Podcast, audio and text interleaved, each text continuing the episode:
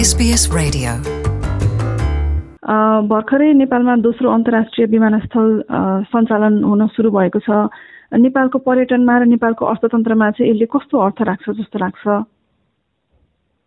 A, यो अन्तर्राष्ट्रिय विमानस्थल आफैमा आर्थिक आयोजना हो।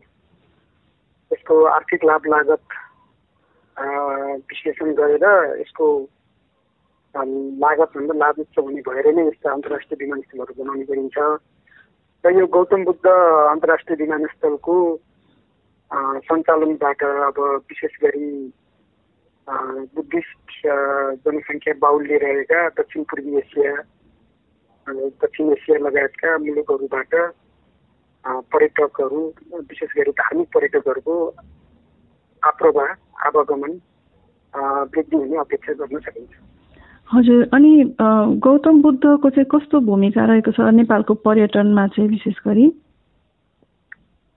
निश्चय नै हाम्रो पर्यटनका प्रमुख आधार स्तम्भहरू अथवा हाम्रा प्रमुख अमूल्य सम्पदाहरू मध्ये अब जस्तै सगरमाथा अथवा हिमालय क्षेत्र त्यस्तै गरी चाहिँ हाम्रो लुम्बिनी पनि त्यत्तिकै महत्त्वपूर्ण क्षेत्र हो धार्मिक पर्यटनको दृष्टिकोणले। बुद्धको जन्मभूमि भएको हुनाले थुप्रै बौद्ध धर्मावलम्बीहरू पनि आउनुहुन्छ र अन्य धर्मका धर्मावलम्बीहरू पनि शान्तिको खोजीमा ध्यान योगा गर्नका निम्ति अथवा बुद्धको जीवनीका बारेमा जानकारी लिनका लागि आउने गर्नुहुन्छ। हजुर वर्षेनी कति जस्तो पर्यटक आउनुहुन्छ? अनि विशेष गरी यो विमानस्थल सञ्चालनमा आएपछि चाहिँ त्यसमा कतिको बढ्ने अपेक्षा गर्नुभएको छ? त्यही वृद्धि हुन्छ भनेर एउटा सब्जेक्टिभ रूपमा मात्रै भन्न सकिन्छ होइन? त्यसको प्रोजेक्सन चाहिँ अहिले नागरिक उड्डयन प्राधिकरणबाट लिनुपर्ने बुद्धको जन्मस्थलको बारेमा पनि बारम्बार नेपालमा अथवा अन्तर्राष्ट्रिय स्थानमा विवाद हुने गरेको छ। यो सम्बन्धमा चाहिँ अब भर्खरै भारतीय प्रधानमन्त्री मोदीको भ्रमणले चाहिँ केही सकारात्मक नेपालको पक्षमा त्यस्तो सन्देश दिने अपेक्षा गर्नुभएको छ कि छैन?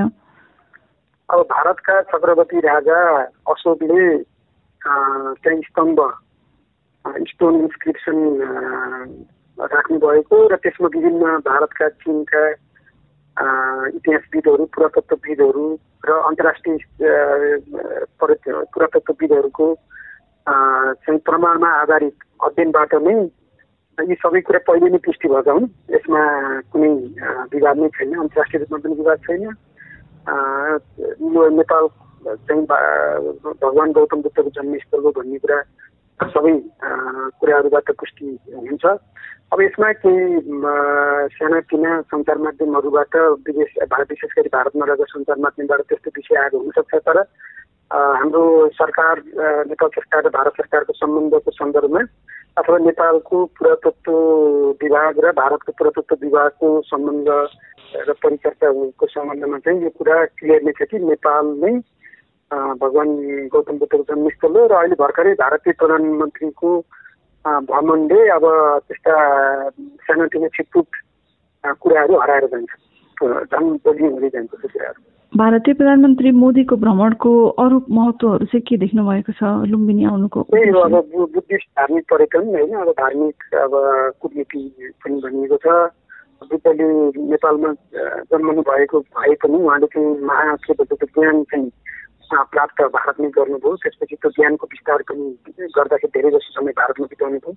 त्यही भएर त्यहाँको कुशीनगर सारनाथ अबदेखि लिएर नेपालको चाहिँ लुम्बिनी अब त्यसपछि कपिल वस्तु तिलौरा कोट लगायत बुद्धको महानगरको त्यो भयो। यी सबैको एउटा बुद्धि सर्किट गरेर नेपाल र भारतले एउटा एकीकृत धार्मिक पर्यटनको अथवा एकीकृत बुद्धिस्ट टुरिज्मको विकास गर्ने एउटा कोसिस हुन्छ।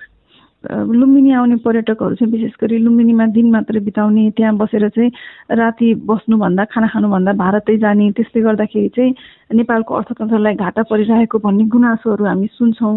अब यो धेरै वर्ष पहिलाको कुरा हो त्यतिखेर हाम्रो लुम्बिनी वरपर चाहिँ त्यस्तो स्तरीय होटलहरू थिएन तर अहिले चाहिँ थुप्रै स्तरीय होटलहरूको निर्माण भएर सञ्चालनमा आइसकेको छ। अब त्यो कुरा क्रमशः कम हुँदै गएको छ।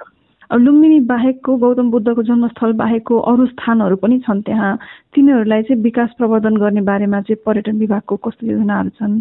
अहिले एकीकृत अब लुम्बिनी गुरु योजना छ होइन? त्यो संस्कृति पर्यटन नागरिक उड्डयन मन्त्रालय र लुम्बिनी विकास कोष ले गरिराख्नु भएको छ। अब त्यसमा चाहिँ अब कोटी हवा निल्ले हवा अथवा बुद्ध भ- का जीवनकाल अथवा बुद्धभन्दा पहिलाका विभिन्न अब सिद्धार्थ गौतमभन्दा पहिला पनि विभिन्न नामका बुद्धहरू त्यहाँ ध्यान गर्नुभएको योग गर्नुभएको जन्मनु भएको त्यहाँ शिक्षा दीक्षा विस्तार गर्नुभएको भन्ने कुराहरू छन् होइन। त्यो कुराहरू पनि अब सँगसँगै एकीकृत विकासमा तिनीहरू आउँछन्।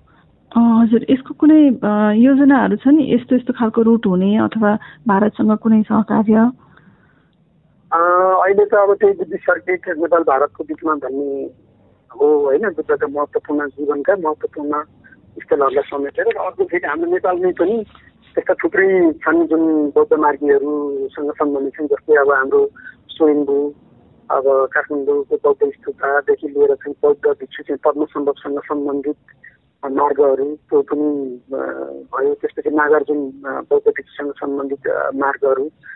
अब त्यसपछि हिमालयन बुद्धिज्मसँग सम्बन्धित त्यस्ता खालका चाहिँ कुन्दाहरू थुप्रै रहेका छन्। अब यो सबैको एउटा एकीकृत विकास गर्ने यसलाई एउटा सञ्चालीकृत गर्ने जोड्ने काम अब योजनाहरूमा छ। अब कार्यान्वयनको चरणमा चाहिँ अलिकति सुस्त भइरहेको छ।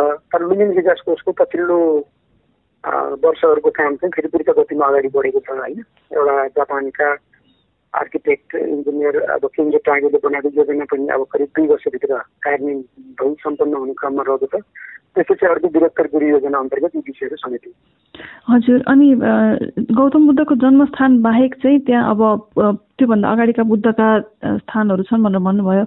अनि गौतम बुद्धकै परिवारको दरबारहरू पनि छन् के? तिलौरा कोटमा अब त्यसलाई विश्व सम्पदा सूचीमा राख्नको लागि प्रयास भइरहेको छ। त्यस्तै गरेर अब देव बुद्धको नामागर भएको ठाउँ त्यहाँ पनि संरक्षणका कामहरू भएको छन्। बुद्धको अस्तु राखिएको रामग्राम नवलपरासीको त्यसमा पनि संरक्षणको काम भइरहेको छ। त्यसको पनि परियोजनाहरू बनाएर काम अगाडि बढिरहेको भन्ने छ। अब यसको विशेष गरी अब हाम्रो संस्कृति पर्यटन तथा नागरिक उड्डयन मन्त्रालय र लुम्बिनी विकास कोषले यसमा काम गरिरहेका छन्। Want to hear more stories like this? Listen on Apple Podcasts, Google Podcasts, Spotify, or wherever you get your podcasts from.